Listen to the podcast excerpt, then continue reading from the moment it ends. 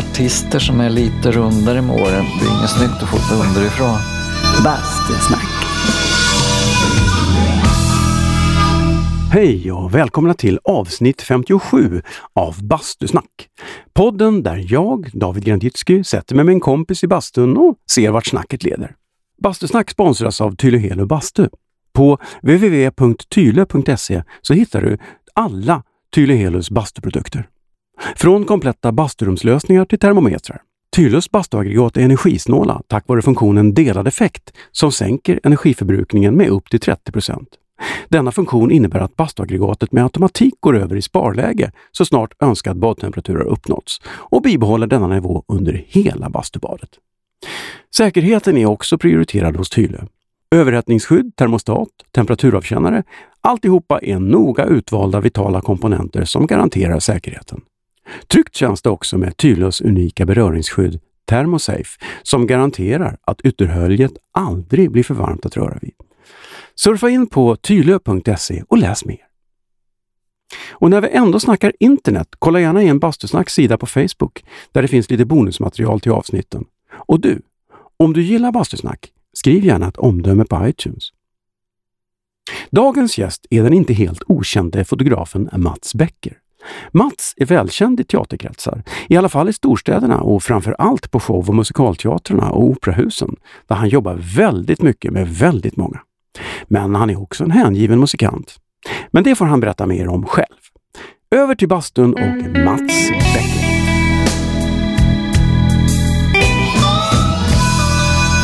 Bastusnack.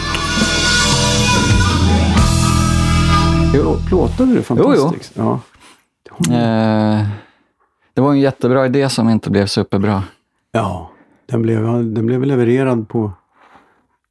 Den såldes väl in på fel sätt, tror jag. Oh.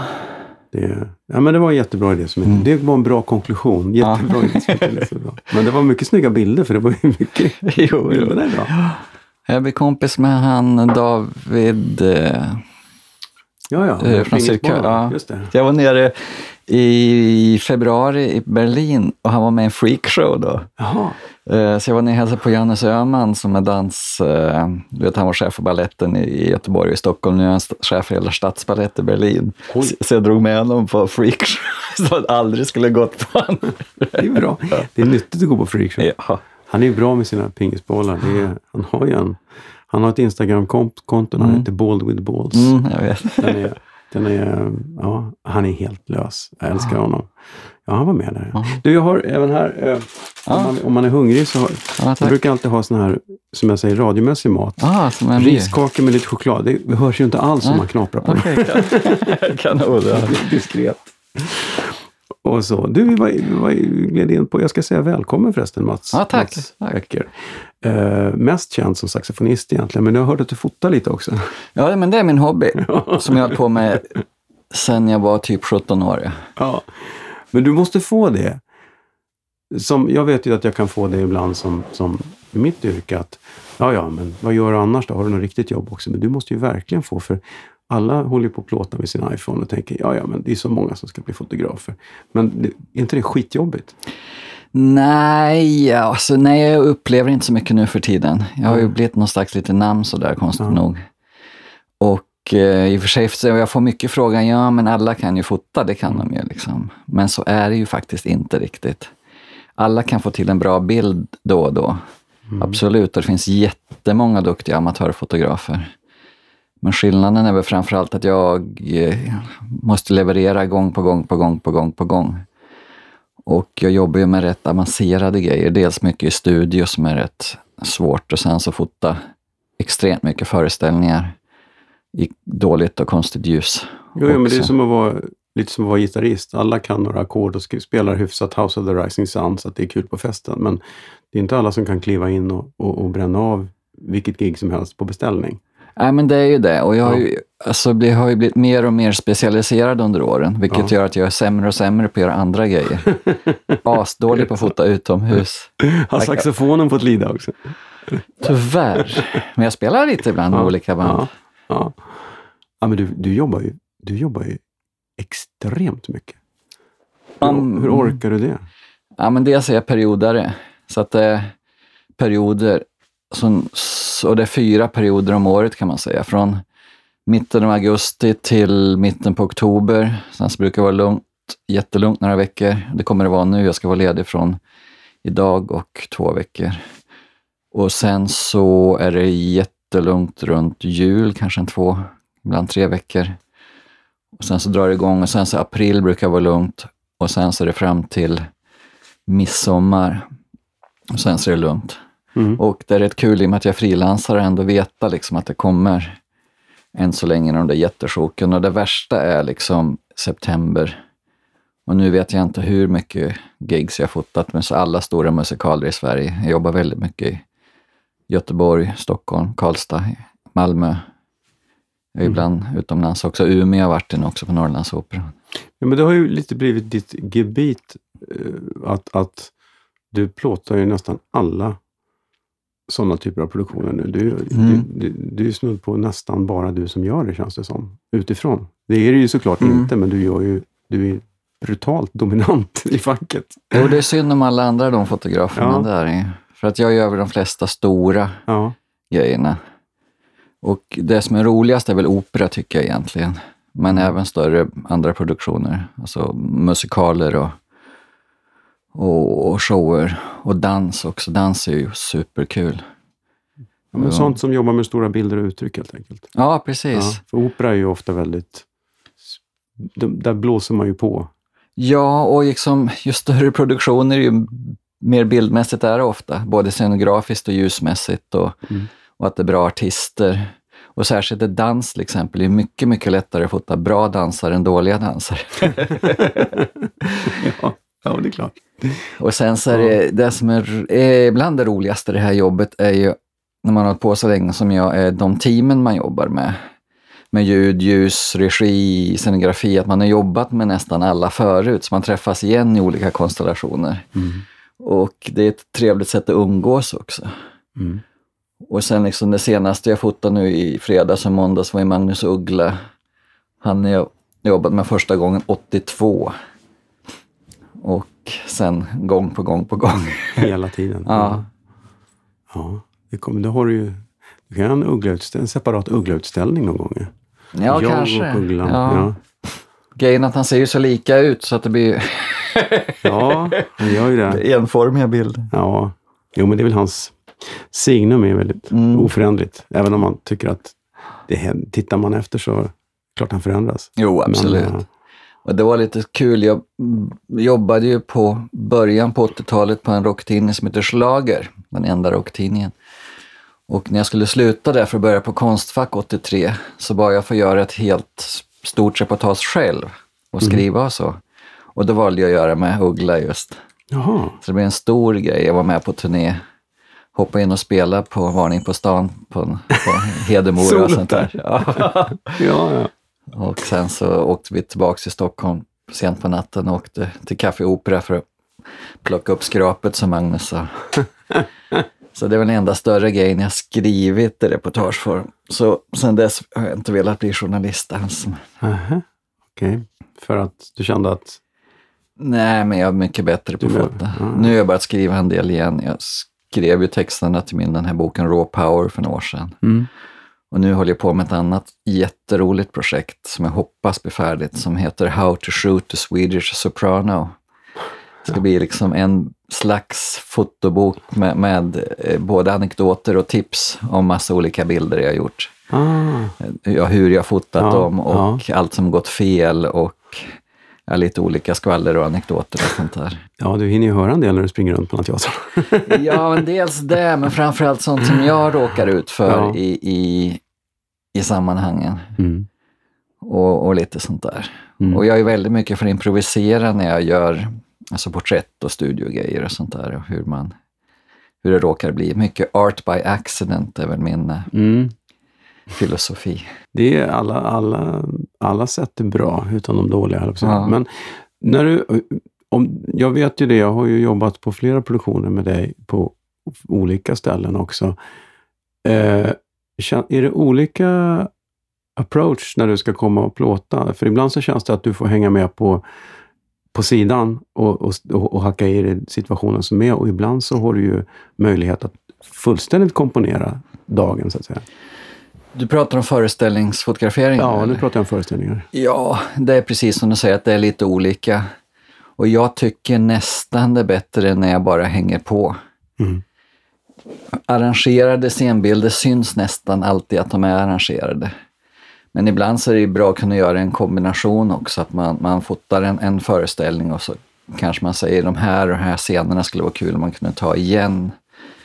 Mm. Som nu, eh, Erik Gadd på Hamburger Börs. Nu var det ett, inget vidare rep jag fotade för att Erik var så trött och, och lite så. Men då arrangerade vi en del grejer som jag såg var jättecoola. Han kastade sin bas till exempel, fick jag Ja. göra om en massa gånger. Och lite Ja, den där. bilden är ju grym. Den Mm. är ju episk.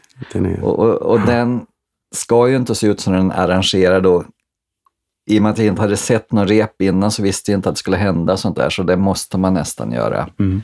ehm, ja, så arrangerat. Men ibland gäller det ju lite det där att du, ska, du måste ju se ögonblicket precis innan det händer. Ja. Att oj, nu. Ja, och det är en rätt kul grej. Eh, I och med att jag jobbar med spegelreflexkameror som är uppbyggda precis som med kameror med film förut, att när man knäpper bilden så åker spegeln upp en bråkdel av sekund så, så att det blir liksom svart i kameran. Så att jag vet ju, har jag Oj, nu sitter jag och rapar. har jag sett en bild i kameran, då vet jag att jag har missat den. Ah, Om du förstår vad jag, jag menar. förstår. Där Och, var den. och särskilt när man fotar dans. Ja. För då är det så otroligt viktigt att det är just exakt där. Så då måste man knäppa lite innan, bråkdelen innan. Så man måste ju ha bra kameror som verkligen reagerar precis som man trycker. Mm. Och när jag gick över till att fotografera digitalt omkring år 2000, då var digitalkamerorna lite långsammare än, än de med film. För de- de med film var ju helt eh, mekaniska. Men, men nu är de betydligt bättre. Men, men det är fortfarande, i och med att jag jobbar med autofokus och så, så kan det ta också en millisekund längre tid för dem att från jag trycker tills det, det knäpper. Och eh, när man fotar dans så är det så otroligt viktigt att det är precis exakt där.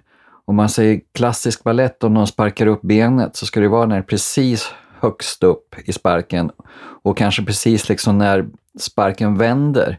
Och då är dessutom, kan man säga, foten i det här fallet stilla en bråkdel av sekund när den vänder och det är exakt där man ska fota. Mm. Så då är det väldigt mycket att lyssna på musiken. Så är det en bra dansare som dansar rätt så är det precis när musiken går da da da wa, da da da Du da. vet, ja, Ja. just det. Just det. Så det är lite som jag sa förut att en bra dansare är mycket lättare att fota än dålig för en bra dansare gör det rätt på musiken. Ja, För att precis. ta ett exempel. Teamwork. Men du kan inte skjuta iväg flera på en gång då? Jo, men då blir det nästan alltid fel. Aha. Jag gör det. Jag börjat att testa det nu Ja. igen och köra med motorn, man ska säga. Ja. Och då blir det nästan alltid till tio bilder som blir fel. Istället Ah. för en som kanske blir rätt. Mm. För att det är så det är superkänsligt. Så- Så faktiskt de sista grejerna jag fotat så jag haft motorn på, men det är jättesällan att jag tar serier ändå. Och, och eh, nej, jag känner väldigt sällan att jag vinner Mm. något på det. Ja.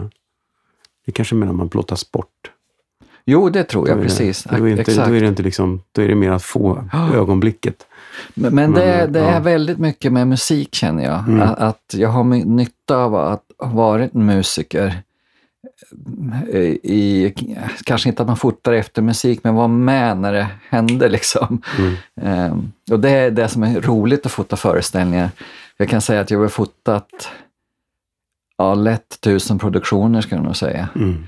Och eh, jag är nästan alltid nervös och kan knappt sova natten innan. Vilket gör, att, ja, tycker, vilket gör att jag sover jävligt dåligt. Eh, men det är just utmaningen, är just det där att få ögonblicken hela tiden. Sen så blir ju aldrig de bilderna något konstverk alls. Men det är bra hantverk. Jag är jättestolt att vara en bra hantverkare Ja. och vill alltid vara bäst. Och, eh, och visa dem. Jo, men det måste ju vara en jävla press. Va? Man har Ja. en fotodag och så har du en producent som Ja. vill ha den ultimata säljande bilden. Mm. Kom igen nu Mats, leverera. Ja. Det, det, jag fattar, jag fattar att det. Ja, men det ska man Mm. leverera så kanske producenten blir glad, förhoppningsvis artisterna blir glada. Jag försöker Mm. få dem att se snygga ut om det går. Och sen att jag ska vara glad också, att jag ska känna, shit, eh, ja, den där var jag ganska nöjd med. Mm.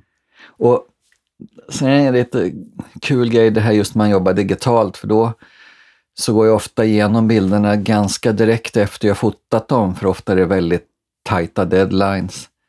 Och då är det lättare att tycka att wow, gud vad den där bilden var bra, oj vad den där var bra. För man är så glad att det har mm. fastnat mm. ungefär och alla är så glada. Sen så tittar man på bilderna dagen efter eller sådär och då, ja, det var inte så där jättebra. Nej. Så drömmen är ju liksom att, att låtsas att det var som förr i tiden man fotar, man lämnar in filmen och förhoppningsvis får man den dagen mm. efter och tittar då. Men jag har skämt bort alla att det ska gå så Ja, man fort. ska titta i datorn direkt. Och så står alla där och... Ja, men det är, ja. Fördelen då är att man kanske ser att ja, men vi saknar en sån här. Mm. Och så slipper man kalla in folk till en ny dag. Ja. Men, men jag, ja, det är ofta för sent ändå. Ja, jo, jo, ja det är klart. Jo, men sen så är också, i med det här med digitala och Photoshop så har ju många mycket större krav på att åh, kan du inte ta bort det, kan du inte ändra det, kan mm. du inte ta bort den rynkan, kan du inte ändra det ljuset och så. Vilket är inte alltid jättebra. Nej, ja, men det är samma med, med musikinspelningar. Det, Precis. Det, det, finns ju gamla klassiska inspelningar som är helt fantastiska, även fast de inte är perfekta. Oh. Och det är kanske där det ligger, den här magin. Precis. Den lilla... För just musikinspelningar som bara är hopklippt och hopklippt och hopklippt. Mm. Mm. Och, och, och, samma med, med film och sånt där. Och det, eller, eller ja, men det måste vara precis det med musiken. Att, ja, det kan vara den tagningen eller mm. den tagningen eller den och så håller man på. Och egentligen så är det ingen större skillnad på dem. Nej, man, man letar ju efter det här där det där hände. Ja, det där precis. Magin. Jag, tycker, jag spelar ofta in det jag jobbar med och, och så går man tillbaks och lyssnar på det här giget som jag gjorde för åtta år sedan som är, var så fantastiskt. Mm. Och så lyssnar jag på det. Ja. Den känslan, är, ibland får man tillbaka det, men ibland så är det sådär. Precis. Men just då i den lokalen så var det helt fantastiskt. Precis. Ja men du David, det är nog lite så med sådana här föreställningsbilder när man tittar på dem direkt. För då har man så mycket kvar upplevelsen om när man tog den, att det var en sån ja. otroligt bra låt eller bra nummer ja. eller fantastisk sångerska eller sånt där. Och det har man liksom med sig upplevelsen, men man tittar på bilden lite senare eller någon annan ser bilden som inte varit med då, ja. så kanske den inte håller. Ja. Så målet är väl alltid att göra bilder eller inspelningar som håller oavsett. Ja, förmedla ja. känslan. Sen så kan ju naturligtvis vara att de blir dated som det heter, att jaha, hur kan man tänka då för så många jo. år sedan? Jo, men jag tittar ju på de här tidiga 90-talsbilderna, programfotona, ja. eh, där alla bilderna är lite glossy sådär mm. lite och det är lite, alla, alla konturer är lite mjuka och man tänker, men gud, det ser ut som någon sorts, jag vet inte, porrfilmsreklam. Precis. Men å andra sidan med fotografi som är så roligt, som jag kanske inte musik har på samma sätt, det är ju att, ja det kanske har förresten, men att bilder är ju nostalgi. Även en bild som jag tagit exakt nu, mm så är det nu, alltså en sekund efteråt, en, någonting som har hänt som aldrig kommer tillbaks. Så alla bilder är ju, kan man säga, slags spöken eller eh, någonting som har hänt förut som inte kommer tillbaks. Och med mina bilder som jag tog på 70 80-talet av rockmusik, som jag jobbade med bara då, de har fått ett andra liv nu. För att de, har, de är som historiska dokument. Och det är ju jättekul att titta på en bild på Bowie eller Lundell eller, eller vem det nu är som är fotat då, för man har så mycket minnen av artisten till exempel och då se en bild som är rätt bra, som är tagen för 30-40 år sedan, ger en extra dimension mm. som den inte hade då. Mm. De bilderna tog jag ju för att de skulle tryckas eh, för någon ja, tidning, dagstidning eller när rocktidningen slager eller någonting, bara så konsumeras. Man hade ju ingen ja, men tanke de var ju då. väldigt ny, nu, nytt. Kolla, en Precis. fräck bild på Lundell. Ja. Idag är det mer en, just det, Ja. en historisk bild. Precis. Det tycker jag är jättekul att se. Ja. Man blir, ja, det är som du säger, nostalgi, det finns mycket nostalgi i det där. Tänk Vi- att Plura har varit så smal. Ja. Har du så gamla bilder? Där. Bastusnack. Vilken är din första bild? Bild överhuvudtaget. Ja, kan din jag- första kamera. det var en Praktica Nova TL, hette den, en östtysk kamera, som jag fick, eller så redan tror jag, när jag gick på högstadiet. För att jag var rätt fotointresserad då. Jag kom från Hagfors, en liten stad i Värmland. Och var med på en ungdomsgård där jag lärde mig lite av det där. Jag vet inte om det var fritt valt arbete eller om det var till och med utanför skolan. Som jag lärde mig lite grann, men verkligen som hobby. Mörkrumsteknik och... Ja, precis. Ja. Så den hade jag. Jag vet jag var utbytesstudent i USA direkt efter nian. I Kalifornien, först i Redding och sen i North Hollywood i, i Los Angeles. Det var en liten slumstad faktiskt. Och då fotade jag mycket, men eh, inte något avancerat. Men det var den jag hade. Sen så började jag bli riktigt fotointresserad när jag kom tillbaks till Sverige och då skaffade jag en, en Olympus OM1 hette den. Som mm. var, eh, det var en liten en kamera. liten spegelreflexkamera. Mm. Den var rätt hipp då. Mm. Ja. Och inte jättedyr. Nej. Men du började med systemkamera, alltså du hade inte någon Instamatic? Det hade vi säkert i familjen ja, eller något sånt där. plastkassett som ja. Och jag vet när jag var liten så, så min mamma tyckte det var kul med Super 8 så vi gjorde flera filmer på skoj. Alltså spelfilmer. Ja, ja. Eh, som kanske gick åt en eller två Super 8-filmer som var jätteroliga. Som vi, vi, vi bodde på i Hagfors när det var på någonting som heter Sommarvägen och då gjorde vi något sånt mysteriet med vinterdäcken på Sommarvägen och på vårt sommarställe utanför Ystad så gjorde vi en film där jag fick spela huvudrollen att jag var en astronaut som hade kommit ner med mångrus som några skurkar skulle sno för jag skulle leverera det till kungen. Och, så, att, så jag vet inte om det där faktiskt Det är ingenting påmärker. som du har fört över till video på något sätt? Oh, jo, den där sista med den där mystiska Mr X med mångruset. Det känns ju helt klart som något man skulle kunna lägga upp på Bastusnacks eh, Facebook-sida som ett bonusmaterial. Ja, om jag kan hitta det så. Ja, om du kan få loss rättigheterna. Ja, precis. Det är ju, det är ju underbart. Ja. Sånt där älskar jag, gamla actionfilmer. jag kanske var nio år eller så. Ja. Och mitt enda krav från mig var att jag skulle få en tårta kastad i ansiktet. och det fick ja, jag ge det. Jag tycker det är fullt rimligt. Ja, ja.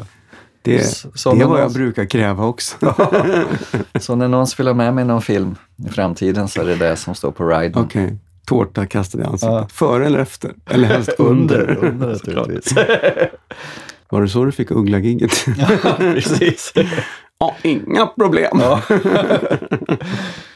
Men du, eh, hur ramlade du in på... Det är, rätt, det är ändå ganska maxat att lyckas landa ett jobb på Slager som ju då var det största som fanns i, i musiktidningsväg i Sverige. Det var ju, den var ju jävligt tung. Ja. Den läste ju alla. Den var ju sanningen på något sätt. Ja. Hur, hur, hur, hur, lyckades du med det? Jo, men det var väldigt mycket olika turliga grejer. Men, men för att försöka ta det ganska kort så, så blev jag med i en frilansgrupp i Lund som heter Grupp 5 när jag gick på fotogymnasium redan, eller blev med redan innan dess. För det en fotograf som heter Micke Berg, eller som heter Micke Berg, som jag liksom började lite praktisera, gå sån här kvällskurs på kursverksamheten för. Och vi är väldigt mycket kompisar fortfarande, så många år efteråt. Det här var väl 77 eller något sånt där. Och då så hoppade jag av det vanliga gymnasiet och började på Värnhemsskolan i Malmö. Jag bodde i Lund på den tiden. Och I alla fall i den här frilansgruppen så blev det med några journalister också. Bengt Eriksson och Mats Zetterberg som skrev mycket för Musikens Makt som var en slags proggens musiktidning. Mm. Och vi var också lokalredaktion för Skåne. Och man kan säga att den här rocktidningen Schlager startades av Musikens Makts, Makts eh, lokalredaktion i Stockholm och, och Skåne. För Musikens Makt var en Göteborgstidning som blev mer och mer mm, lite fjantpolitiserad av en kille som hette Rander. Mm. Tommy Rander. Tommy Rander ja. Så vi startade den här tidningen och då var jag med lite liksom i bakgrunden och frilansade lite för den och var med och gjorde någon sån här stödkonsert den skulle dra igång och sånt där. Och så när, precis när den startade så, eller hade startat så åkte jag in i lumpen och blev fotograf på en tidning som heter Värnpliktsnytt och flyttade till Stockholm. Och frilansade lite, lite för den också. Men precis när jag skulle mucka från den där så slutade en fotograf som hette Hattie Stevenius för han hade tröttnat. Och då behövde de en, en fotograf och frågade mig, så det var ju helt otroligt. Mm. Att det var en månad innan jag skulle mucka så fick jag ett telefonsamtal från Tore Sonesson när jag var nere i, i Hässleholm för att fota någonting. Jag vet inte hur han hittade mig där, det var ju långt innan mobiltelefoner. Och frågade om jag ville börja jobba där. Alltså det är så snacka om bananskal. För den var ju väldigt grafisk. Vad jag minns så var ju formatet ganska stort från början. Va? Ja, i början så var den ju sån som en tabloid ungefär och ja. tryckt på sån där Maffiga bilder Ja. ändå. Det var, jag, jag minns den som stora rubriker och supermäktiga bilder. Det var Mm. en snudd på att man köpte den för bilderna. Ja, och så läste artiklarna. Det är lite så här Playboy-varning fast för musiker. Ja, och grejen att det fanns ju en tidning då som hette Okej som var något helt annat. Ja, ja. Som körde Ja, ja. jättetöntiga, blaffiga färgbilder. Och vi jobbar ju nästan bara i svartvitt och väldigt grafiska bilder och att bilderna kunde stå för sig själva. Att det inte var så egentligen så viktigt att det var den och den på bilden utan skulle vara bra bilder. Den kändes ju oerhört seriös. Tycker jag. Ja, Den var vi väldigt, det var ju, vi var- och det, det är roligt att den sprang ur musikens makt, för den kändes ju överhuvudtaget inte alls politisk. Nej. Utan den kändes ju bara som, det här är sanningen om rock på något Ja. sätt. Och det blev ju politiskt av sig själv ändå kan Ja. man säga. Och alltså våra, vi var väl inspirerade av New Musical Express, en, en engelsk tidning Mm. som också tog det på allvar. Och det var ju satsas mycket på bilderna men också texterna. Det är ju väldigt många bra texter i den där. Det, det kom ut en, en bok för några år sedan med The Best of Schlager, eh, texter bara, som Mm. är jättebra. Och förutom att det var musik och sånt där så var det mycket som så kallad skräpkultur som kom Mm. in. Och som verkligen Bengt Eriksson drog in i den och Susanne Ljung började jobba där som 19-åring bara. Jaha. Så hon och jag var någon slags radarpar där, dels med att intervjua rockmusiker, men sen så skrev hon ju jättemycket bra grejer så, Mm. som hon har fortsatt med sen hela livet. Plåtade inte Jocke Strömholm där också? Ja, mycket lite. Mycket lite. Jag, har någon sorts minne av det. Jag vet inte varför. Kanske för att han gav ut någon bok om rockfoto. Ja, men den var ju vi 80-talet. med på allihopa. Jaha! Det var jag, eh, Lars Torndal, Lasse Ja. Nilsson och Joakim. För jag har den någonstans i Den heter. Rockboken bara. Just det, den har jag. Eh, liggande någonstans. Men han var väl rätt drivande i det Ja. projektet kan man säga, men det var vi, var vi fyra. Men han är lite äldre va? Ja, han är nog minst tio år, ja, omkring tio år äldre än Mm. mig. Så han är typ 40. Ja, precis. och han har ju fotat väldigt mycket såna teatergrejer förut också, men jag har väl snott Mm. all hans jobb tyvärr. Det är ju sånt som händer. Men, Mm. men eh, hur går man från, eh, eller det kanske är steget, det är ju inte så långt från att plåta rockgig till att glida in på teatrarna. Ja, för mig så var det så att jag tröttnade väldigt mycket på rockmusik framåt 83 ungefär. För att jag kom ju verkligen från den här punkgenerationen då kring 76-77 när jag verkligen började på riktigt. Sen så ganska snart, redan på slutet av 80-talet, eller 70-talet, men framförallt början på 80-talet så, så blev det så himla kommersiellt igen. Och, och när jag höll på att fota det där så varje år så gav Eva Dahlgren ut en skiva och Eldkvarn en ny skiva och så vidare. Man skulle fota dem igen och igen. Och hela den där liksom glädjen i, i punken och proggen försvann för att Sverige är väldigt speciellt i den här musikgenren tack vare proggen. Det fanns sådana här musikföreningar över hela Sverige där en massa entusiaster ordnade spelningar och hade lokaler.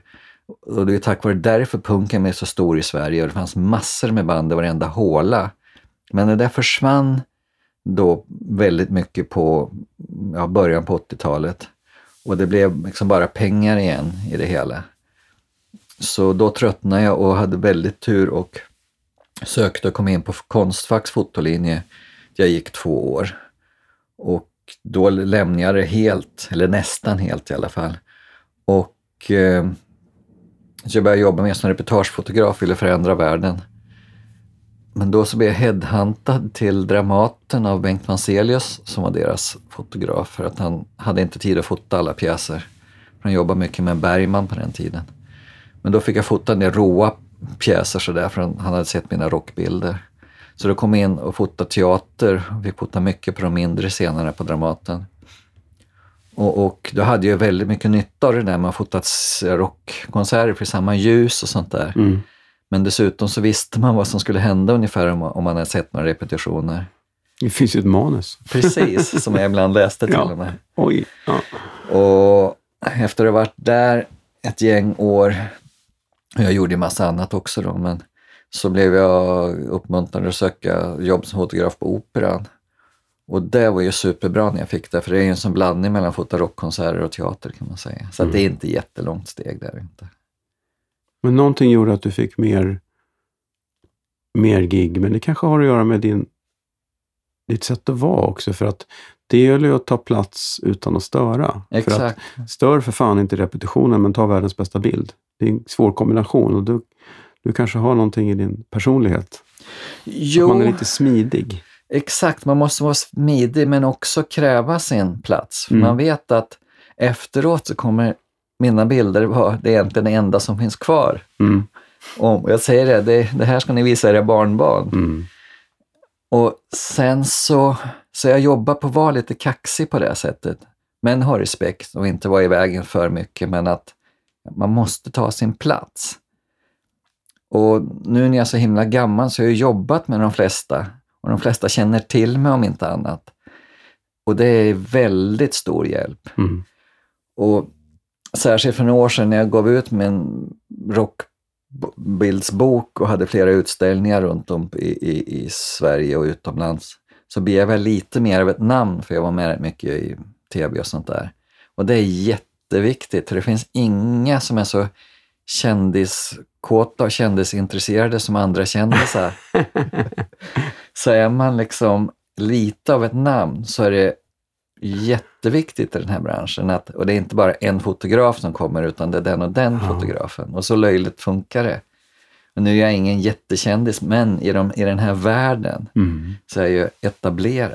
Ja, det, men det kanske inte är just kändisskapet så mycket som att du är känd som yrkesman. Ja, men att precis. Här kommer han, här, här, här är en kollega som faktiskt är del i produktionen. Precis. Inte bara någon som har lyckats landa ett jobb och åka runt och plåta lite, utan det här är, för, för Mm. Man är ju med om det ibland när det kommer tv-bolag in och ska filma lite.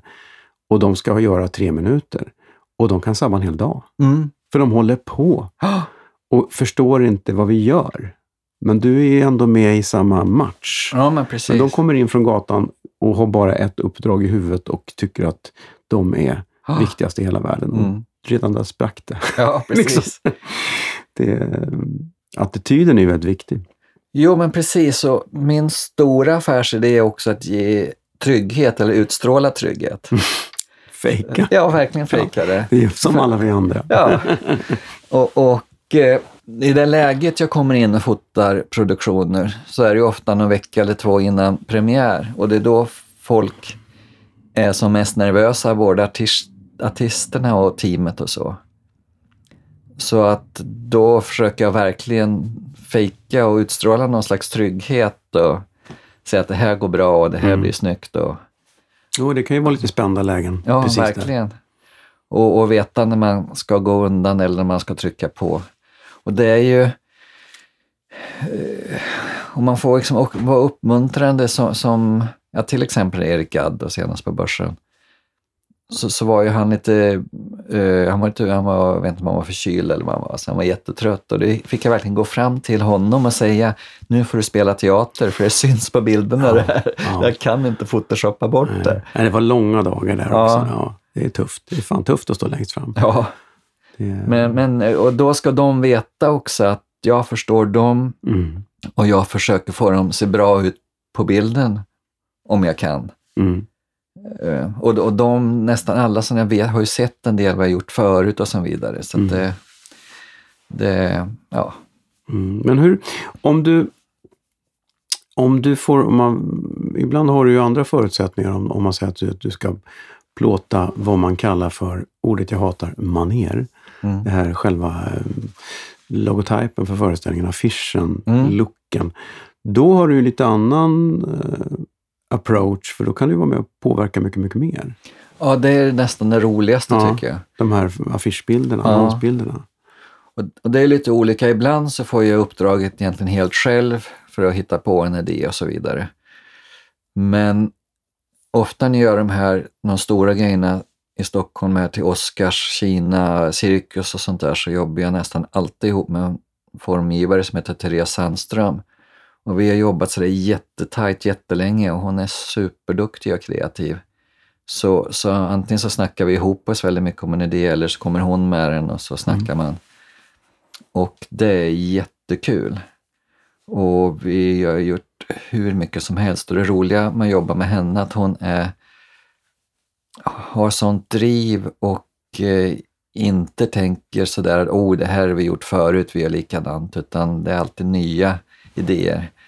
Och, och det, vi liksom triggar varandra i det där. För att vi vill alltid liksom göra ja, det bästa. Och... Det ska ju alltid vara den ultimata annonsen. Ja, men precis. Det är ju skitsvårt när man ja. har 23 om året. Ja, de ska, de ska synas och i och för sig så har vi kommit på vissa grejer som i grunden tekniskt funkar och så vidare. Mm. Och, ja, och vi gillar ju den här branschen så mycket. Såklart varenda produktion man jobbar med tycker man inte är världens bästa, men man försöker göra det bästa jobbet och sånt där. Mm. Och, och, det är ju helt enkelt, våra jobb är ju att lura folk att köpa biljetter. Ja, lura. Nej, men att få folk att veta att överhuvudtaget föreställningen finns, för det är ju ja. sånt enormt utbud. Ja, men precis. Det som sticker ut i tidningen eller på nätet, det är ju den som säljer. Ja, och jag tycker att ärligt talat det är superbra att folk går och ser föreställningar på riktigt. För en helt annan upplevelse. Och sen så också ärligt talat miljömässigt, att folk spenderar sina pengar på att se föreställningar är betydligt bättre än de köper en massa crap. Mm, ja. Som, som köper kläder och bilar och allt vad man köper. Att man lägger det på föreställningar. Ja, det är ett bra miljöval. Ja, verkligen. Det är så.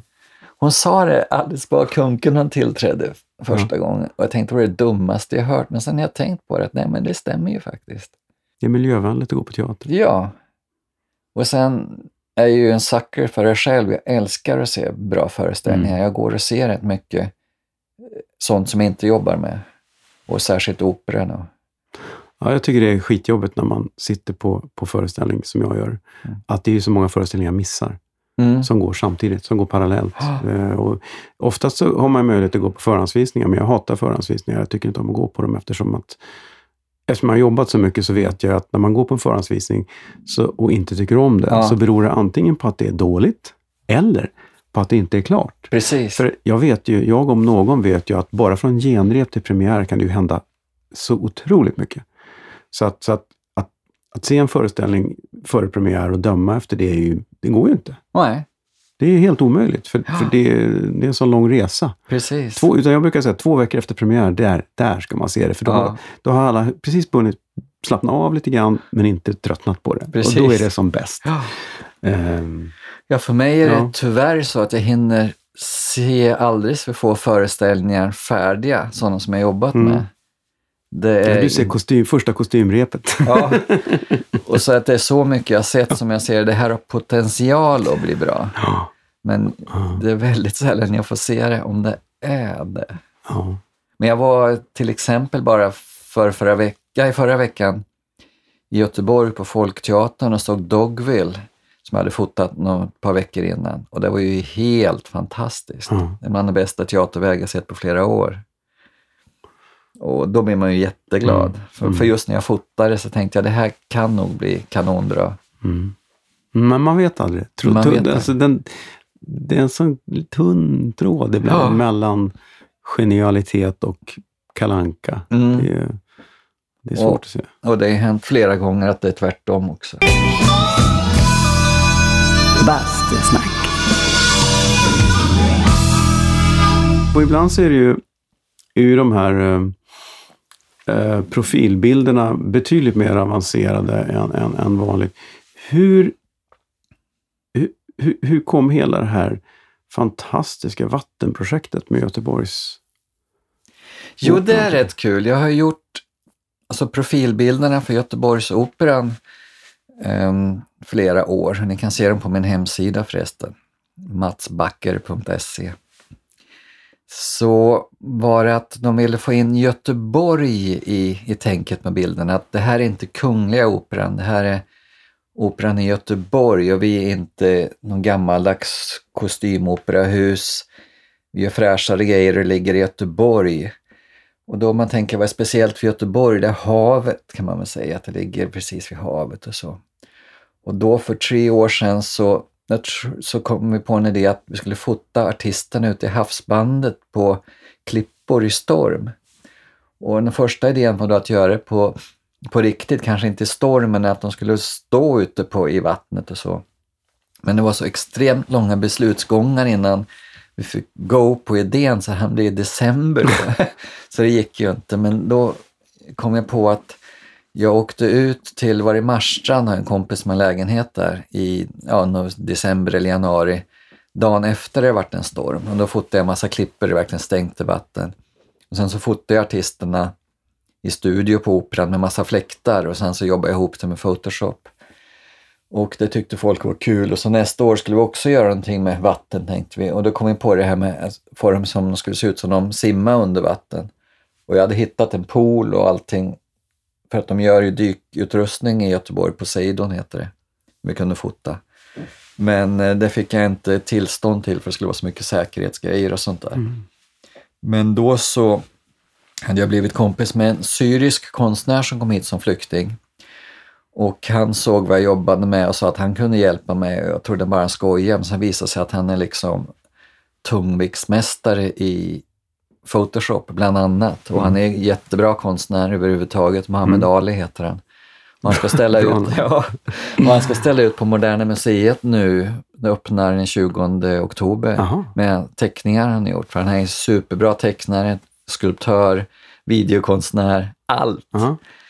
Eh, han kom hit för tre år sedan efter en tre månaders lång flykt. Han är helt fantastisk. Men i alla fall, så han och jag jobbar ihop väldigt mycket nu för tiden. Och de här undervattensbilderna är då helt konstruerade, att jag fotade artisterna hängandes i, i, i linor och så hade jag fläktar så det såg ut som de simmade. Och sen så hittade vi bakgrunder som vi köpte på nätet och sen så har han konstruerat hela det här med undervattensgrejer helt i Photoshop. För det är så, det är så snyggt så att man köper det ju.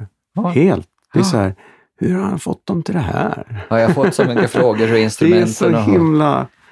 Sen så var det ju väldigt retligt för Kungliga Operan för de gjorde ju Undervatten samma år men vi kom ut innan. Ah.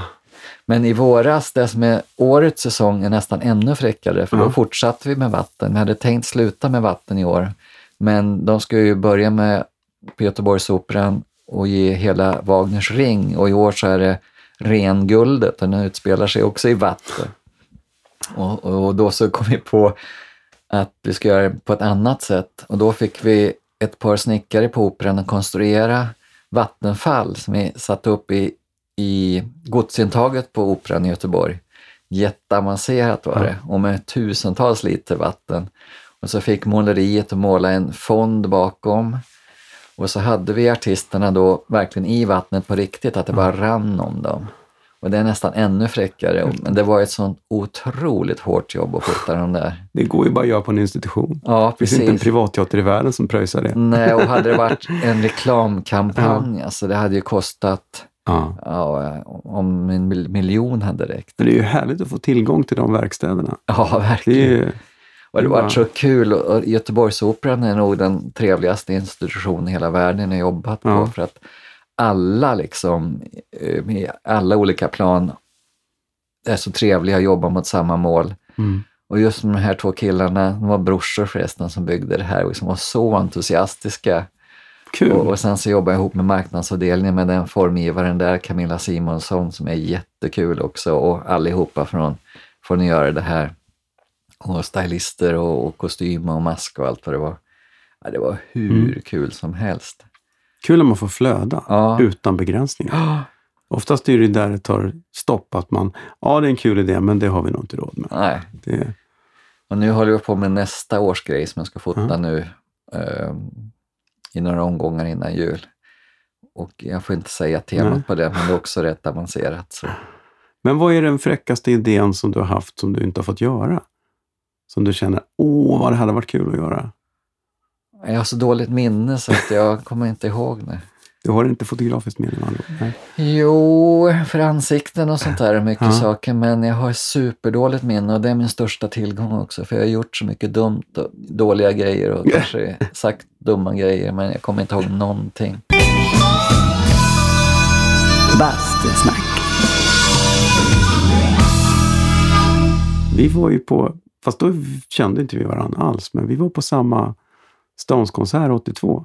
Ah, Ja, fast på varsin sida. Jag var på bortre kortändan. ah, okej. Kanske de sämsta platserna. Men det roliga är att du, du var ju längst fram och plåtade. Mm. Bägge Ja. konserterna också. Ja, ja, det knäcker ju. Mm. Ja, det här var ju innan storbildsskärmarna, så Ja. det var inte mycket man såg längst bak. Men då hade jag ju smugglat in min Super 8-kamera Aha. på ryggen. Okej. Så att jag filmade ju, så jag har ju Super 8-film utan ljud från Stones 82.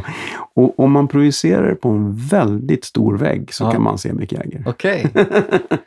Men du, jag gjorde ju dessutom omslag för en kompis med smugglade in en bandspelare i en kylväska och han gjorde en dubbel LP-bootleg Så från du den. gjorde den. Den har jag tror Du jag. har den? Ja.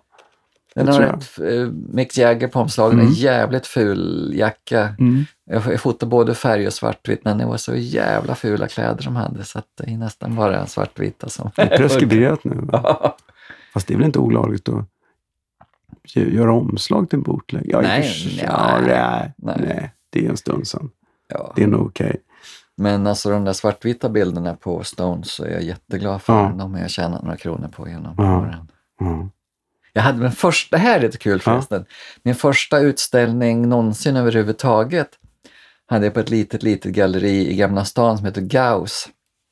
Och det var jag och Joakim Strömholm som ställde ut tillsammans våra bilder från Stones. Och då var det någon knarkare som snodde bilderna. Men Karina Wern som hade galleriet då, hon sprang efter dem och skällde ut dem och fick tillbaks bilderna. Oj, Och hon är nu rektor på Beckmans. Ser. Bra. Tuff tjej. Ja, tufft. Ja, tuff rektor. Ja. Klarar av. Vad, vad har inspirerat dig? Vilka är dina förebilder? Ja, alltså mina stora idoler är Irving Penn och Richard Avedon får jag väl säga. Mm. Men när jag fotade rockmusik så var det mycket Penny Smith som jobbar på New Musical Express och Anton Corbijn. Och det var lite kul, för jag var ju också bildredaktör på Schlager. Och då blev jag en slags agent för dem också när det skulle säljas bilder till andra tidningar. Så jag hade rätt mycket med dem att göra. Jaha. vilket var väldigt trevligt. Och eh, jag har väl ingen kontakt med dem nu direkt. Men man, det var en rolig grej, men det väl kanske tio år sedan nu när Schlager skulle fira sitt 25-årsjubileum eller vad det var, kanske ännu längre sedan. Så lyckades jag få kontakt med eh, Anton Corbijn och säger vi ska ha en fest och det är bara en dag. Och det vore så kul att få låna några av dina bilder från den tiden. För att han skickade över bilder till oss så fort han hade, ja en gång i månaden ungefär. Så jag hade ju jättemycket bilder från honom. Och när jag slutade på Schlager då, och den skulle bli såld då till Saxon och Lindström förresten, så tog jag en låda, eller flera lådor, och skickade tillbaks alla bilderna till honom. Så i alla fall så jag frågade, kan jag inte få låna några där? Och bara, vi sätter upp dem då och så får du tillbaks dem. Och så svarade han, ja men du vet Mats, jag rev sönder alla de där bilderna. Nej. Och de jag gör nu, vet du, de är så himla dyra och sånt där så det blir för bökigt. Och så tänkte jag, vad i helvete, jag kunde bara behållit dem. Vad dumt. Ja. För det var riktigt sådana där klassiker, de där bilderna på Pete Townsend i, i, i taxin och alltså alla de där ja, de vet, klassikerna som jag tyckte han var bäst då. Och samma med Penny Smith, hennes alla sådana där clashbilder och allting. Ja, Men du ja. har inga kvar? Inte Nej. henne. Det var det jag tänkte, man tänkte ju inte på att de skulle Nej, bli något historiska och jag ville bara vara schysst. Och, Ja. och det, var rätt kul, det är rätt kul, Anton Corbins bilder var tekniskt rätt kassa fotokopior, alldeles för hårda sånt där. Men de blev väldigt bra i tryck så han gjorde helt rätt. Men de var gjorda på sådana här plastfotopapper och alltså som att titta på Mm. dem som objekt var liksom, ja sådär. Men var det medvetet? För att det skulle se bra ut i tryck? Eller var Jag det... tror det. Mm. Eh, Ja, det måste väl varit det. Och han, ja, han var så bra då. Mm. Då? Ja, Du tycker inte det längre eller? Blev jo, det för men svårt? inte så? lika, lika intressant tycker Nej. jag. Men nu så har jag jättekul, man jobbar väldigt mycket med klassisk musik. Jag fotar ju, jag gör ju nästan alla Martin Fröst-bilder, Christian Lindberg, Roland Punten och en massa sånt där. Och det finns en fotograf som jag har kollat på rätt mycket med holländare som heter Marco Borchreve, som är så himla bra. Mm. Så för några år sedan så bara skickade jag ett mail till honom och sa att gud vad du är bra och vad jag är inspirerad av dig. Och han blev så superglad så han svarade direkt och sen har vi haft kontakt och, ganska länge och sen så var det för julen för två år sedan så kom det ett brev från honom som jag öppnade. Då var det en, en Melitta-påse som det stod i år måste vi ses och dricka kaffe. Det är bra. Så då så, några månader senare så kom vi på, jag och min fru, att vi skulle åka ner till Holland och se en utställning vi läste om, om Hieronymus Bosch som var en fantastisk målare. Mm. Och då så hörde jag av mig till Marco och sa, vi ska till Holland, kan vi ses? Och så bara, ja! Så jag åkte en dag tidigare och han hämtade mig på flygplatsen och så bara spenderade vi ett helt dygn ihop och bara prata prata. Och vi har jättemycket kontakt nu och han är sådär svinbra tycker jag. Ja. Kul. Så att, eh, ja, det är näst, ja, det är, jag har så mycket respekt för honom och det är så kul att bolla med honom. Men utbyter man ert skrå eh, liksom yrkeshemligheter eller håller man på sina grejer? Knep och knåp man har? Nej, jag brukar berätta hur jag gör, jag har inga Ja. problem med Nej. det. Men många andra håller på dem och det, det blir lite tråkigt tycker jag. Så när jag började och hela de här första åren, 70 om till mitten av 80-talet, så var det så otroligt generöst och man hängde ihop och man umgicks och hade så kul, något som heter Planket man ställde ut i början på juni varje år i Vitabergsparken. Ja, det finns ju kvar fortfarande. Jo, det börjat Ja, igen och ja. det är jättekul. Så det var väldigt fin stämning. Sen så kände jag att det blev mer konkurrens och så.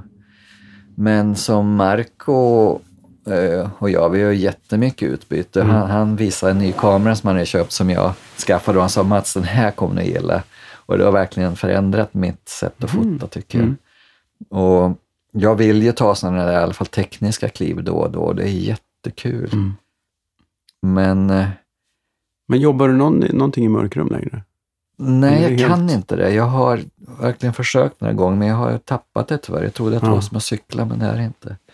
För det Men- finns ju något magiskt ändå att stå där och Oh ja, men jag har ju vaska. en kille som heter Anders som har ett mörkrum som heter Indigo. Där är jag och Lennart Nilsson de största kunderna. Coolt! Så det är så fräckt. Han har pärmar med våra, våra ja. negativ. Så står det Becker på den ena, Nilsson på den andra. Sen så står det, så står det A till Ö. Oh, ni har egna... Men Och, du, och ja. eh, så alla de här rockbilderna som jag ställer ut och när jag säljer dem, de är ju gjorda för hand Mm. i mörkrum Mm. efter alla konstens regler. Och dessutom selentonade och så säljer de bara ramade och glasade och så.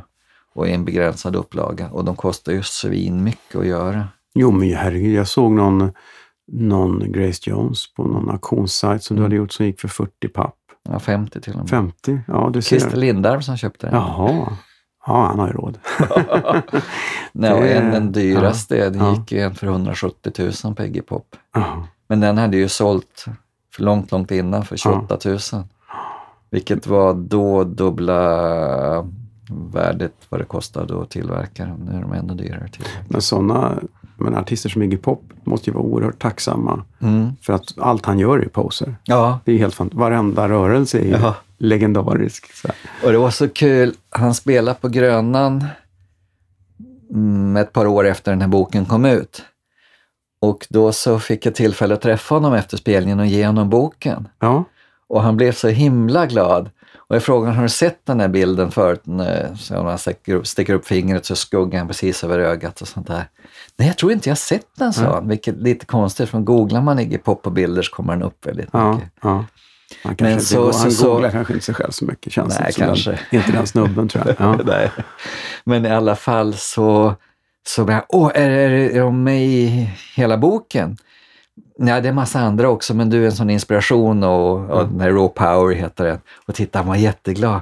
Och tack, sa han. And my lawyers will call you. På skoj sådär. Men det är coolt. Men den är lite rolig, men absolut första seriösa rockbild är ju i den och det är ju på en liten kille som heter Joe Strummer. Oh, Och som jag fotade då 77 och sen några veckor senare så fotade jag Iggy Pop och sen The Jam. Och, häftigt. men just både, särskilt liksom The Clash, man, det var ju coolt men man gett ut någon skiva då. Mm. Men ja, de kommer väl hålla något år. Ja, men det är föga anade man ju att det skulle bli det legendariska bandet som... Och som verkligen, tycker Ja. jag, håller fortfarande. Ja. Det gör verkligen inte alla de där från den tiden. Nej, gud nej. Men jag hörde den här plattan med Jam för inte så länge sedan och tänkte fan det här är ju bra. Mm. Ja, men man vet ju inte. Det, Nej. Det, det är samma där. Det som man tyckte var sån energi. Första gången jag hörde Sex Pistols så var man bara helt blown away. Ja. Och idag är det sådär, sådär. Jag fattar inte riktigt. Jag kan få en nostalgikick av det men jag förstår inte vad det var som var så hårt med dem. Alltså, nej, jag tycker att det håller fortfarande. Och, Ja. jag Nå, tänker- Vissa grejer kanske, men en del är ju ganska tjötiga tycker jag. Jo, men Taffligt. anarki och sånt där. Att, Ja. Alltså jag tycker lite nästan tvärtom som det är att, att det är musikaliskt bättre än jag kommer ihåg det. Mm. En, en del grejer Mm. liksom. Med gitarrer och sånt där. Mm. Och det är ju samma med Ebba Grön till exempel. Mm. Att Thåström är en gudabenådad gitarrist. Jag tycker synd att Mm. inte spelar Mm. mer. Han var ju med förresten och spela med vårat band. Jag hade ett band som heter Finens musik i Lund. Och vi var jättestora i Skåne på början på 70-talet. Och gjorde två LP-skivor och några singlar. Och han, vi, vi spelar mycket ihop med Ebba. När de var i Skåne brukade de bo i vårt kollektiv. Och när vi var uppe så bodde vi ibland i deras kollektiv i, Rågsved och sånt där. Men när han hoppade in på en låt som, är, som heter Mer eller mindre och bara gjorde gitarrpålägg för att de råkade vara nere i Skåne Mm. och de sov över. Och man hör jävlar vad bra han är. Coolt. Det är otippat. Ja, nej, men han är så bra. Det liksom kommer liksom inlägg och, eh, och om man lyssnar på Ebba-grejer också. Oj! Mm. De betyder mycket för mig också. Jag Mm. såg dem på Musikforum i Uppsala. Ja, Det var liksom bland det första man såg. Det var ju helt... Det var ju käftsmäll. ja. Det, det saknar man idag. För jag tror att det finns ju inom hiphopen idag. Den sortens eh, käftsmällsmusik för 14-åringar som upptäcker precis vad det är som håller på att hända. Jo, det är mycket möjligt. Det, nej, men jag tror att det är är just den där energi, den energin som man Mm. behöver då. Jag tror inte det finns så mycket unga rockband som fyller den funktionen längre. Utan det är mer Ja, äldre. det är, jag såg ett för ett år sedan som jag verkligen kan rekommendera som heter Disco Punks. Aha. Som, som var wow, det var som att uppleva det igen. Kul. Och eh, kolla in dem, Disco Mm. Punks. Mm. Ah, så fräckt alltså. De var ute på turné för något halvår sedan, års, eller år sedan, som förband till Mando Diao också. Och hjälp, det är verkligen den energin och också humor. Mm. Och jag trodde jag aldrig skulle uppleva det igen. Kul. Och det finns ju säkert Ja. en del andra Jo, men det är väl det. Man är väl gubbig och efter. Ja. Man har ingen koll längre. Man vet inte vart man ska gå. Och dessutom så är det jävligt märkligt om man dyker upp på de där ställena. Kanske. Jo. Men, men eh, kolla, kolla upp då. Så det var så, oj. Ja. Discopunks. Ja, men det ska jag göra. Det ska jag. Och sen som jag Ja. säger, jag spelar ju med ett band som heter Dödsbabs. Och, och det Spelar ju, du med dem? Ja, ibland, jag hoppar Jaha. in. Jag kanske känner till. Ja, nej, men de spelar ju på den här smerrocken på Gotland. Ja, vet jag. Har du varit med där? Jag skulle varit med, men det har Ja. aldrig passat tyvärr. Vårt Ah. band Finens Musik har varit inbjudna flera gånger, men ja. särskilt nu har de flyttat fram spelningen ännu längre på augusti när Ja. jag har som min jobbigaste jobbperiod. Mm. Men hur känner du till Smerrock? Nej, men jag känner Nico Smén som Jaha, håller i det. Ja, på Gotland. Gammal Gotlands bekanting. Ja. Nej, för jag har ju vårt band Finens musik, vi återuppstår ju då och då och vi spelar mycket ihop med Dödsbabs. De, för, och det är för att de är fans till oss, de spelar vår låt Snutbil alltid, som är en av deras hits nu. Men och ni jag- kan ju en festival med er själva. Ja, kanske. Vi spelar ofta på Snövit på Ringvägen tillsammans. och jag hoppade in med dem på Pet Sounds bar Ja. för några månader sedan. Och, Kul! Men det är kul att du hinner spela fortfarande. Mm. Det, är, det är viktigt. ja, Ja. jag repar tyvärr alldeles för lite, men jag har en broschyr för några låtar i alla fall. Fegt att repa. Ja, Absolut. man ska vila sig. För. Jag fick ett gig med något band häromåret till en 50-årsfest. Och, och så, vad fan spelar du fortfarande? Ja, men jag har trummorna kvar i källaren. Och, men jag har ju inte spelat sedan Dramatens julfest 1988 när jag var med i husbandet. Ja, Typ. ja, Ja, men det här är cool. Vi kan spela. Kan inte du spela? Ja, ska vi repa något? Är inte klok. men vad ska vi göra? Ja, men det får vi se. Då, då säger jag, men minsta kravet jag Ja. har är skicka en Spotify-lista så jag har någon Ja. chans att liksom inte totalt göra bort mig. Okej. Och så kommer jag dit och spelar och sen ser jag att ja, det är ju jag. Och sen är det typ bara riktiga musikanter som jag har jobbat med en hel del. Mm. Ganska namnkunniga. Och jag, det var lite sådär, ja, men det funkade. Men det var, jag trodde du, det var en ren hobby. du säger det, vi måste ju setts då. För jag jobbade jättemycket på Dramaten på slutet på 80-talet. Ja, Det gjorde vi. ja. nu gjorde vi nog. kommer det Ja. tillbaks bilder i huvudet. Jag var på ljudavdelningen där fram till eh, kanske 88 eller någonting sånt. Jag tror att vi sågs då. Ja, det är inte alls omöjligt. Och för att jag spelade ju med, med Dramatens personalband, men det var ju som efter då. Ja, då hade jag nog Ja, slutat. det hade du, för vi spelade Ja. inte tillsammans, men Nej. hade gett med Uff, Med Uffe Englund, ja. Och, eh, flera från, från och ljusavdelningen. den här basisten som spelar Fabulous Four, eh, Mankan, va, som gick tyvärr bort här om året. Ja. Eh, Björn Mm, hette han. Eh, och några till. Och så hade vi lite skådespelare som gäster och så spelade Mm. vi Marmorfoajén där uppe. Det var Mm. skitkul. Det var jävligt roligt. Och Maffi, Mm. Stefan och Mariano, såklart, på gitarr. Eh, Just det. Mm. Just det, just det. Alltså, Ja, gud, det man borde bilda, egentligen borde man bilda någon sorts klubb för vi som har spelat med Dramatens husband. Från, med, vad heter den där skådisen som slår tjejer? Eh, ja, Örjan Ramberg. Ja, Ja. och är med och sjöng en gång. Han blev, var ju så full och blev ju så full naturligtvis. Ja, ja. ja vi Men hade- det var jävligt dåligt ljud i den där marmorfoajén. Åh fan. det kommer jag no shit. Det, det, ja, det, det, namnet är ju en liten hint. Ja, precis. Vad roligt var Men det gjorde ingenting. Det var roligt. Det var skitkul. Ja. Det lät nog ännu värre när vi spelade. Men, men vi, kul hade vi i alla fall. Bastusnack. Du måste ju stött på någon artist som du ska plåta som inte vill bli plåtad. Någon sån här som har varit knölig. Ja, men det är som sagt det där med mitt minne när Nej, det du kommer inte grejer. ihåg. Eller så ser du självcensurerande kanske. Ja, Så jag råkar ju ut för det alltså rätt ofta när jag, sk- faktiskt när jag tänker efter, när jag ska ta porträtt på artister och sånt där. Mm. Och då är det för det första så fotar jag nästan bara artister. För att jag hatar ju att bli fotad själv. Och jag vet hur mycket folk som inte är artister inte gillar att bli fotade. Och jag förstår verkligen det här som är vissa religioner och filosofier, det är fotoförbudet. För man tar verkligen något från en människa när man fotograferar dem, tycker jag. Men om man fotar en artist så dels så är det en del av deras jobb och jag säger till dem att du behöver ju inte vara David Granditsky på den här bilden. Du är ljudkonstnären David Granditsky jag fotar. Eller om det är en operasångerska så säger men spela ett operasångerska eller operasångare eller vad det är. Att liksom, tänk så.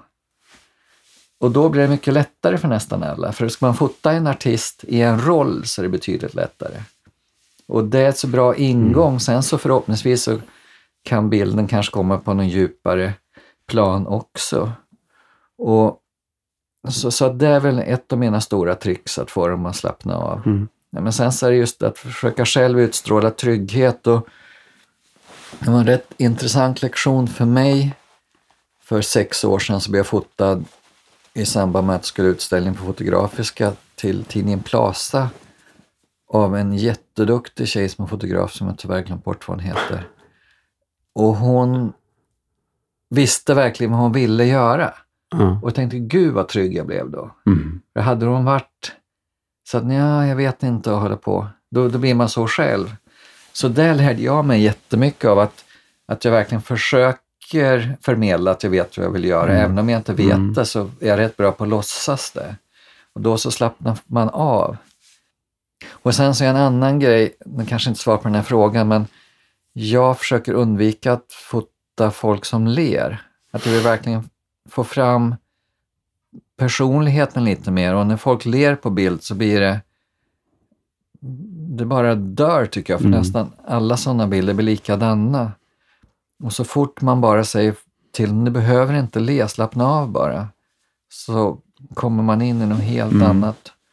Och det, när jag ska göra komediaffischer och folk ska le på dem, då är det en annan sak, men det, är inte, det känns lite Mm. Det blir lätt så gjort. Ja. påklistrat. Och, och jag jobbar med sådana här jätteproffs för det mesta. Menar, jag, den jag fotat mest av alla genom åren är väl Robert Gustafsson och sånt där. Och han är ju bra på att göra det, men det känns också att komma förbi det där spelade påklistrade leendet är inte lätt alltså. Nej. Ja, men det kan man ju se på folks bröllopsfoton. Ja. Som har tagit, Det, tagit apropå era. det, ja du tog ju vår. Och det, jag, jag, shit, vad, och jag ville verkligen, fan vad kul, nu ska vi ta Ja. bröllop. Och jag tyckte det var fruktansvärt jobbigt. Men Man var inte du liksom bakis redan på bröllop? Nej, det var, var jag inte. inte- det var min best man som var Ja, bakis. just- ja, just jag så. var inte bakis. Nej. Han var rejält bakis. Ja. Nej, nej, nej. Nej, jag var, jag var faktiskt eh, väldigt nykter och Ja. glad. Men det var svårt att slappna av. Ja. Verkligen. En av de svåraste rollen jag spelat. men Nej, men du ser fint. där, man ska Ja, bara fota artister. Ja, ja. Hade jag fotat dig till ditt rockband eller något sånt där så hade det inte varit något problem alls. Nej, nej, nej. Eller om jag hade fått någon roll där jag skulle spela någon som gifter sig. Ja, precis. Men nu är det jag som... Och den grejen hade jag inte förv- kommit på då. Nej. Hade, hade jag sagt det? Men- För man har någon sorts förväntan på sig själv att den här bilden kommer verkligen att vara kvar för evigt. Nu jävlar gäller det att jag ser Ja. rätt ut på den. Ja. Och det är skitsvårt. Det är, eh, hur glad man än är så blir det en, en uppställd situation. Ja, men jag vet Men att det- den där tjejen du gifte dig med då, om hon heter, hon Ja. var bättre på det. Jo, men hon, det är ju hennes jobb. Ja. Hon kanske tänkte att Ja, ah, det här är en film. ja precis. Nej, jag hoppas inte det. Men det, mm. Men det håller fortfarande, det är fantastiskt. Ja, Och den måste jag säga, jag brukar aldrig fota folks bröllopsbilder, verkligen inte. För det är så många, eller jag gör ju så sällan, men det är flera gånger jag gjort det. För dels blir det ett kast, för jag är ingen bra på det. Och så blir det ett ovänner efteråt och kanske av andra anledningar nej. också. Så jag brukar säga det nej, för jag vill inte bli ovän. Men Nej. eh, nu... ja, men det, jag, jag vet Ja. folk som kostymörer som säger att jag gör aldrig brud- brudklänningar för att det funkar aldrig. Nej, För det, det blir en annan situation. Ja, precis. Men nu är det ju så att vi umgås ju inte så mycket privat sådär, men, men det... Nej, men man har ju någon form av relation ändå. Jo, jo, så det blir ändå en, en, en annan förväntan. Det blir en förväntan att man ska få någonting som man bara har i huvudet som är helt så här... Och, och, nej, men bröllop är ju knasigt. Men, men just bröllopsfoto, det har ju blivit något helt annat. Mm. Att det är en sån jätteaffär. Mm. Dels är det med bröllopsfoto att det är bland det viktigaste, man är inte gift om det inte finns ett bröllopsfoto. Nej, ja. precis. Och sen så nu så har det blivit en sån business kring det. Ja. Jag har ju folk som bara varit där fotoassistenter till mig som liksom kan dra in 60 000 spänn på att fota ett bröllop. Och det ska fotas Ja. Hela dagen, göras böcker på. Det är helt obegripligt. Ja, Vi har ju några timmar film. Jag hade ju två fotografer. Alltså av en slump Ja. så blev det så. Det som filmade. Och. Inte fan vi tittar på det där. Nej, det är väl kul någon säga. gång, men, men eh, det... Jag är fan intresserad. Ja, men det är roligt för att man är rädd. Det har att göra med att man... Jag tyckte att det där svepte förbi så fort. Ja. Jag förstod plötsligt varför folk ibland håller på i tre dagar. För den dagen gick så fort Mm. och jag hann inte med. Nej. Och så har man fragmentariska minnen och då känns det som att ja, nu vet jag att alla tal och sånt där finns på Mm. film om jag plötsligt känner att och, och, och framförallt för våra barn är det skitkul. Precis. jag hade ju tyckt det var jättekul att ha film på mina föräldrars bröllop. Ja, det har rätt i. Det är Ja. rätt roligt. Så att, egentligen är ju det där för nästa generation. ja. Det då är det ju väldigt Och när kul. de blir gamla Ja, framförallt. precis. Här ska du se mormors bröllop. Ja. Det har blivit dags för Skämskudden. Herregud vad pinsamt. Skämskudden. Nej, inte den där gamla demon. Har du, har du någon skämskudde? Mental eller fysisk? Ja, Särskilt, ja, jag har ju jättemånga, men, men som sagt, vi har förträngt. Men ja, som när jag fotat, jag fotade den här Ken Russell som var en väldigt stor känd regissör förut. Han har gjort väldigt mycket grejer. Han gjorde The Who's Tommy, va? Ja, till exempel. Mm. Och eh, så var det så typ, man hade inte lång tid att fota, det här var jättelänge sedan på Grand Hotel, så hade han en stor vargpäls såg jag. Så sa jag, kan jag inte få fota det i den? Ja, okej, sa han. Liksom. Och så, man sitter ju, eller man kallpratar lite, och så sa jag, eh, hade du på den när du filmade, när du gjorde The Shining? I didn't shoot The Shining. Då vill man sjunka genom dålig- golvet. Dålig relationsstart, Ja. öppnare. Ja. Men du gjorde inga superpretto-grejer när du är konstfack då? Det är en sån klassisk. Att man gör någonting som är fruktansvärt ambitiöst och man tycker att nu har jag gjort det största fotografiska verk som någonsin har skådats. Och så ser man på det i backspegeln så känns det... Ah, Inte som jag kommer på. Jag var inte så bra på Konstfack. Jag verkligen utnyttjade inte de där åren så bra som jag skulle faktiskt. vad skulle du gjort mer då? Nej, men jag skulle jobbat mycket hårdare och utmanat mig mycket mer. Jag var ju, jag var ju rätt etablerad när jag började på Konstfack redan. Mm. För att jag blev ju rockfotograf alltså redan som 19-åring, som när jag tog just Joe Strummer och Iggy Pop-bilden och sånt där. Och så började jag på slagen när jag var 22, 23 och var ju jättehipp och ball då. Och jag var med, jag spelade Mm. förresten med Docent Död samtidigt, var med ett år nästan Mhm. och spela liksom på helger och sånt där.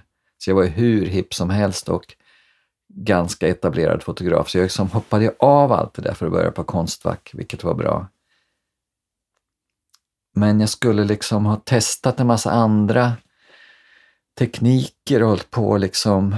Men du kanske, det var ju det, du hade redan levebröd. Du, du var inte så här striving att nu måste jag ta mig fram här. Du kanske inte hade den... Nej, men det, det som är skillnaden är att, att jag börjar nästan direkt att ha det som ett levebröd. Mm, Det som jag skulle ha gjort är att tänkt bort levebrödet. mm, att nu har jag några år här där jag inte behöver tänka på att bilderna ska vara användbara.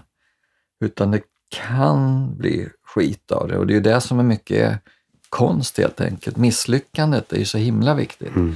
Att våga misslyckas, ha tid och- råd att misslyckas. Och det har jag ju väldigt sällan nu tyvärr. Och jag skulle verkligen vilja jobba mer konstnärligt på mina egna projekt. Men jag har ju gjort det periodvis, men nu är det Mm. länge sedan och jag är helt låst tyvärr. Jag ska ställa ut nu i Karlstad i januari, februari på Lars Lorins museum. Det ska bli jättekul. Jag har vetat det där massa år. Men jag har haft en sån här helt mental blockering så jag har inte fått något gjort. Så jag ska visa lite gamla grej, grejer, bland annat de där undervattensgrejerna jag Mm, gjort för mm, Göteborgsoperan och sånt där. Men det är ju liksom inte egentligen konstprojekt. Utan det är ju mer ja, reklam Ja, kan man säga. ja. Fast det är ju, Men det kan ju vara konst också, men jag förstår Ja. vad du menar. Det är inte... Konstprojekt är ju någonting som man skapar en dag för att det behövdes. Inte för att någon ringde och sa, kan du Exakt. fixa det här? Ja, och det är något som man har i sig som man måste ha ut. Och... Men kan det vara att du, att du faktiskt jobbar för mycket? Jo, absolut. Det, det är ett ekorrhjul som är... Men det är Ja. jävligt svårt att trappa ner utan att tappa jobb också. Ja, men jag ska ju nu jag ska ju sluta på Göteborgsoperan ungefär vid nyår Mm. och det har varit min största kund rätt länge.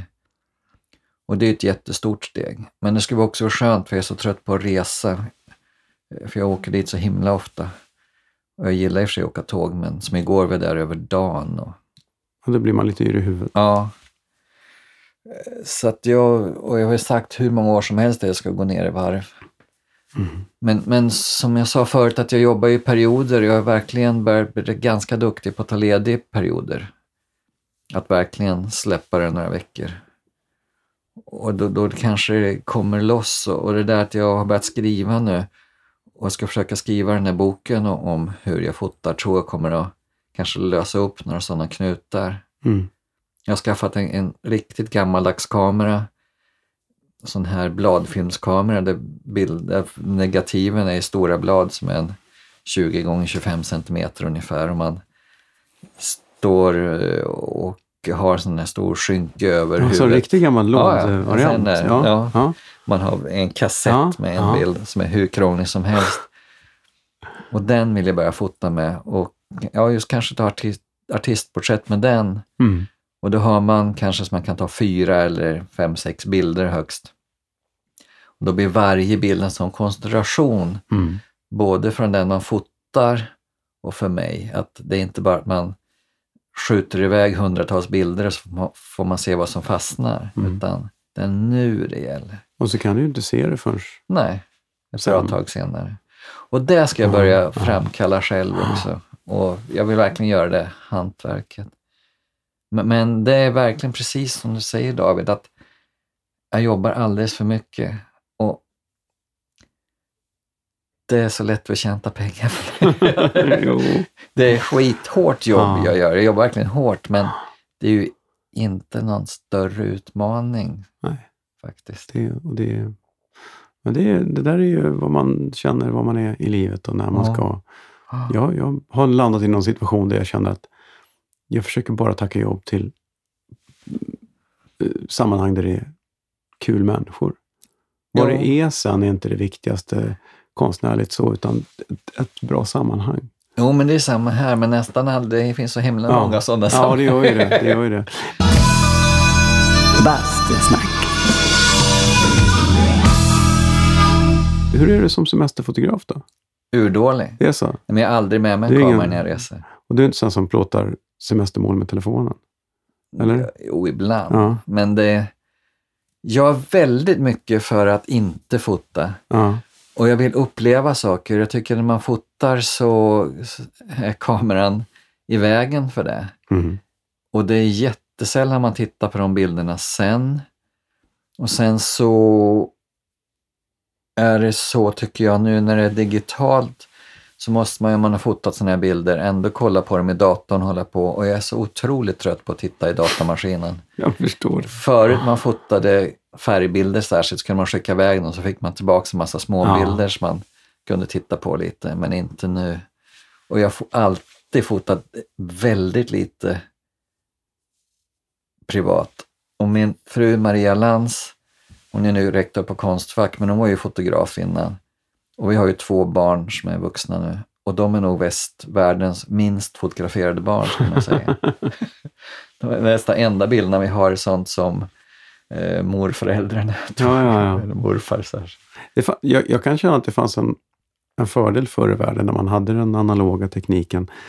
Att en sommar kunde resultera i 30 eller kanske 60 bilder om man köpte två filmer. Mm, precis. Och that was it. Ja. Jag tittar på, ja, man har ju sina fotoalbum och det är fyra, fem pärmar som kan vara 10-15 år. Ja, Idag är det ju omöjligt. ja. Om jag skulle göra, man fotograferar allting hela tiden. ja.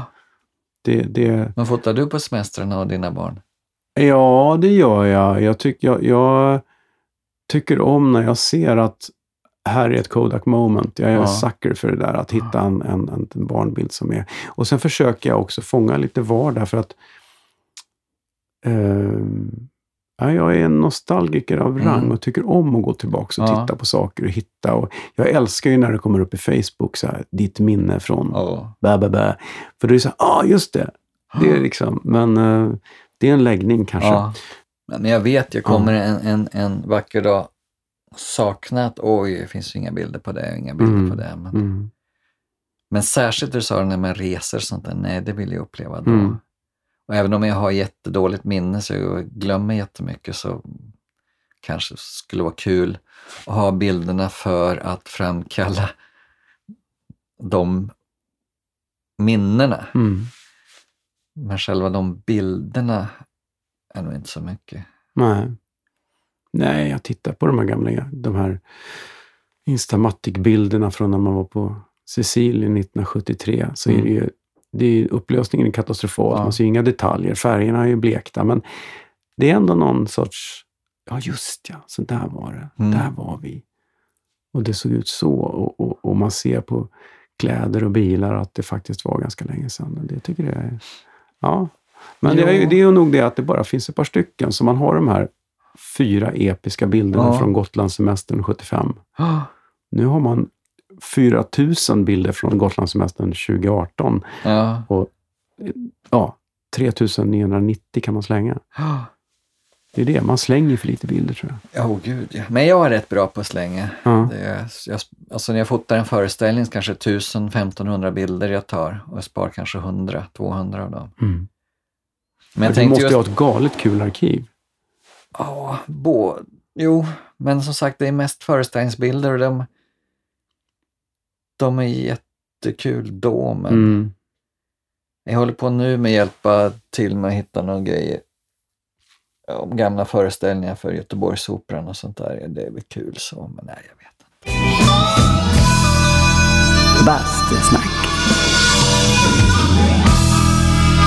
Det är otroligt klyschigt, men nu har jag ju dig här. Då måste jag ju ändå dra ur dig. Om du, om du håller en, en, en kurs för aspirerande föreställningsfotografer som Mm. ska komma och fotografera en föreställning med en massa tunga namn som är skitnervösa. Det är tre dagar till premiär och, Mm. och det ska vi göra världens bästa pressbild. Vad är grundtipset? Röra på sig, att få väldigt mycket olika vinklar. Att inte stå på ett ställe. Mm. Att verkligen vara uppe och nere, klättra uppåt och neråt. Um, vara nära, ta långt ifrån och verkligen försöka få känsla i det. Jag gillar väldigt mycket nära närbilder och stora bilder. Att hålla på med det och, och ibland kan sådana supernära bilder säga allt. Det är som att hela världen finns i en vattendroppe. Mm.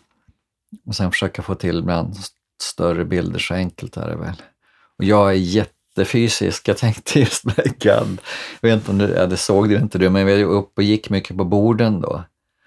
Och så brukar jag då kliva ner så står det en stol, så kliver jag ner. Jag har stora ma- massa kameror, jag fotar alltid med tre kameror nu för tiden. Skulle kliva ner, såg en stol i halvmörkret och så var den vänd åt andra hållet, så bara rakt ner. Tänkte, nu bryter jag. Aj. Och det gick bra. Ja. Och då så tecknade jag en olycksfallsförsäkring för jag kom dessutom på att jag är helt Är oförsäkrad. det sant? Ja. Ja. det måste du ha. Jo, men det är jo, men för att ja, i stridens hetta så drar man ju bara, då kör Ja, man ju bara. Jag vet, jag, precis. jag, jag råkade sitta i vägen för dig häromdagen i, i en salong på Söder. Just det. Och det kom farande. Och så var det något sånt, det är inte så att du kan sitta på nästa rad. Det var så här, oh, inga problem. För jag, jag gick själv runt i salongen för att lyssna lite. Ja.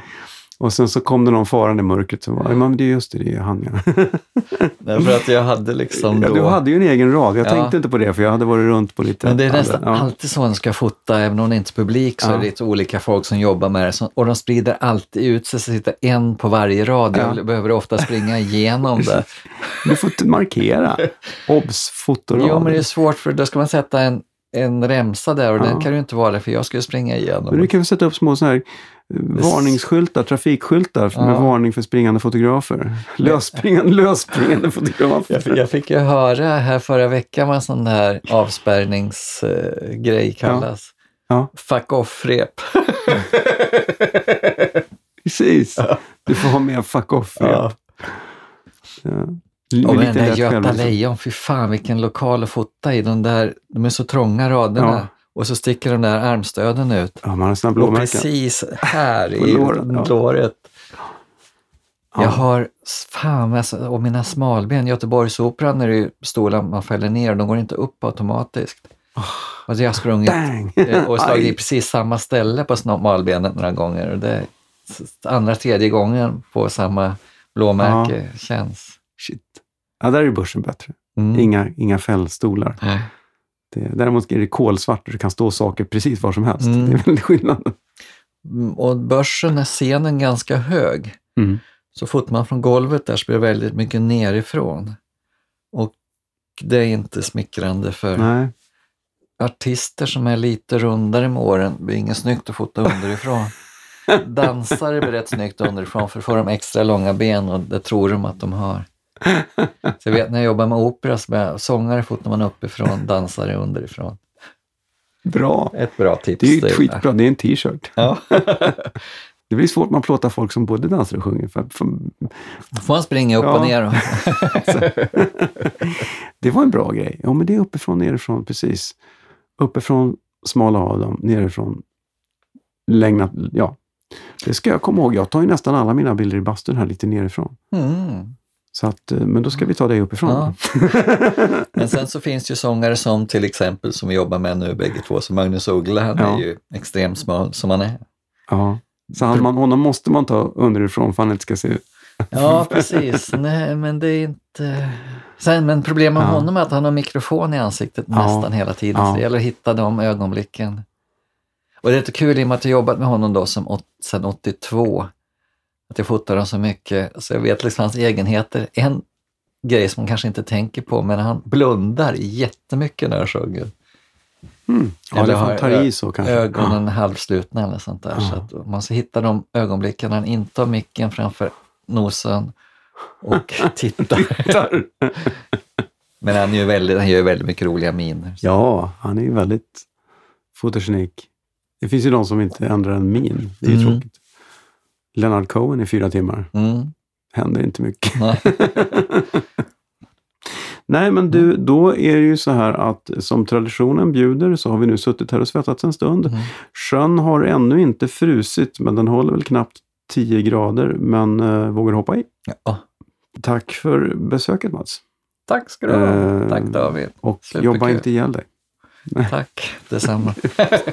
Bastusnack. Ja, det var allt för den här gången. Om ni vill se Mats bilder, vilket jag rekommenderar, så gå in på www.matsbacker.se och kolla in. Och när ni ändå är ute på nätet, eh, passa på att surfa in på bastusnack.se där ni hittar alla tidigare avsnitt. Prenumerera också via någon av alla poddappar som finns, så missar ni inga avsnitt i framtiden heller. Bastusnack sponsras av Tylö Helo Bastu. Det finns ingenting som är så rogivande och avkopplande som ett bastubad. Surfa in på tylö.se och kolla in deras enorma utbud av bastuprodukter. Det var allt för den här gången. Vi hörs igen om en vecka eller två med en ny spännande gäst. Till dess, basta försiktigt!